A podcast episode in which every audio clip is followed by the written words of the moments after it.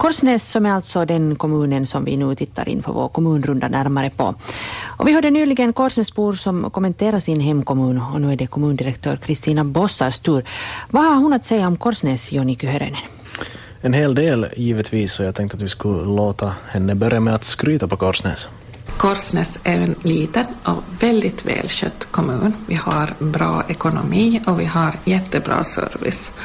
Och det är nära både till olika serviceställen och nära till att stiga in och diskutera olika saker med, med tjänstemän och politiker. Och jag tycker det är jätteroligt att vi har en sån här bra kommun. Och då skulle någon kanske säga att, att det att vara liten är ett problem, men du ser inte så? No, jag tycker att man mer och mer ser att, att man kan inte klassa litenhet som ett problem i sig. För att litenhet är också en styrka det är väldigt flexibelt att du har en liten enhet. Du kan snabbt ändra riktning och framför allt så ser du väldigt snabbt om det är problem på något håll. Små avstånd alltså, Kristina Bossar kommenterar det här. Och det är alltså avståndet just mellan beslutsfattare och invånare som är kort och det går snabbt att åtgärda saker. Vilka är då Korsnäs utmaningar? De är detsamma som för de flesta andra landsbygdskommuner. Hur ska man få folk att stanna och hur ska man se till att kommunen inte töms på ungdomar? Trenden är den att folk söker sig till större, till urbanare ställen och, och nära till eh, kanske internationella centran till och med. Våra ungdomar flyttar utomlands och jobbar där. Hur ska vi göra det attraktivt och, och, och bra för dem att också kunna bo och jobba här i Korsnäs? Ja, hur ska ni göra det?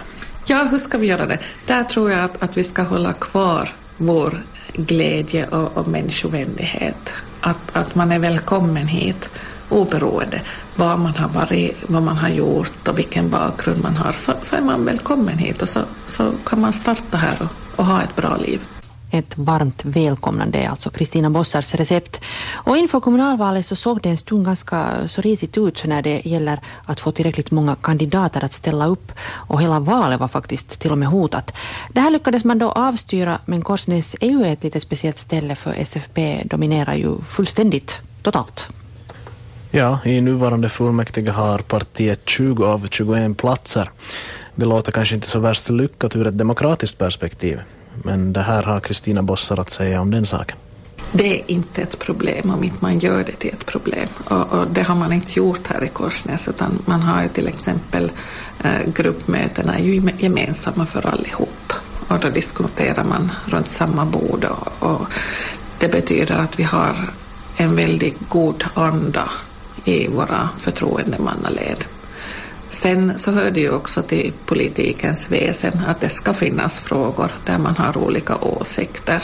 Vad de här kompromisserna och diskussionsämnena sen blir så, så kan ju vara nästan svårare i, i en sån här kommun där, där ett parti är väldigt dominerande. För det betyder att, att det nödvändigtvis inte behöver vara partipolitik som styr. Ja, du var inne på det här, det är ett parti som bestämmer allt. Blir det byapolitik då istället? Det kan bli det också, ja naturligtvis. Men det kan också vara, vara olika sakfrågor där man har kanske mer ideologisk olika syn på. Till exempel hade vi diskussion kring då vi skulle göra om eh, Lärknäs anstaltsboende till serviceboende. Det har ju absolut inte någonting med byapolitik att göra. Och att det är just SFP som bestämmer är kanske inte så överraskande med tanke på att Korsnäs en gång i tiden var faktiskt den mest svenskspråkiga kommunen i världen. Och numera så finns det inga enspråkiga svenska kommuner kvar på fastlandet och Korsnäs var en av de sista som mer eller mindre tvingades av, avstå sin enspråkighet och blev tvåspråkig kommun. Hur ser kommundirektören på den här saken? No, enligt Bossar är man ännu inte hundraprocentiga vad gäller servicen på finska. Man jobbar till exempel fortfarande med vägnamnen.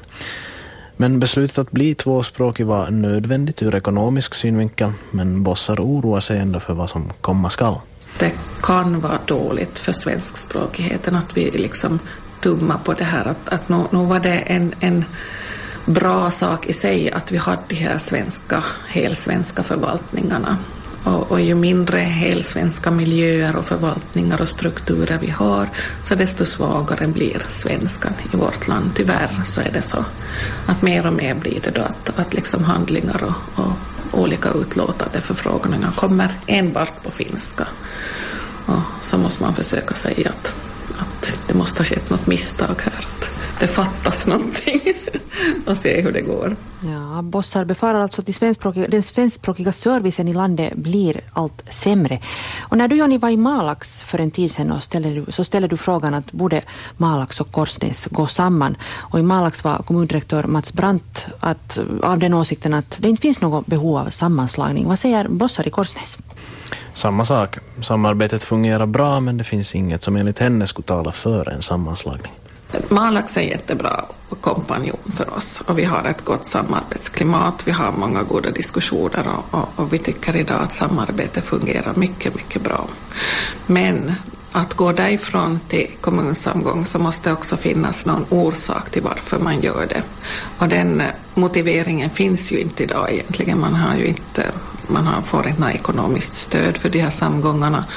Och eh, vi anser ju att att att verksamheten, kommunala verksamheten fungerar bra, både i Malax och Korsnäs. Så alltså Korsnäs kommundirektör Kristina Bossar. Och du hittar alla artiklar om Korsnäs och också om våra andra kommuner på webben svenska.yle.fi Österbotten. Där har vi ett speciellt block som är ägnat just åt olika kommuner inför kommunalvalet.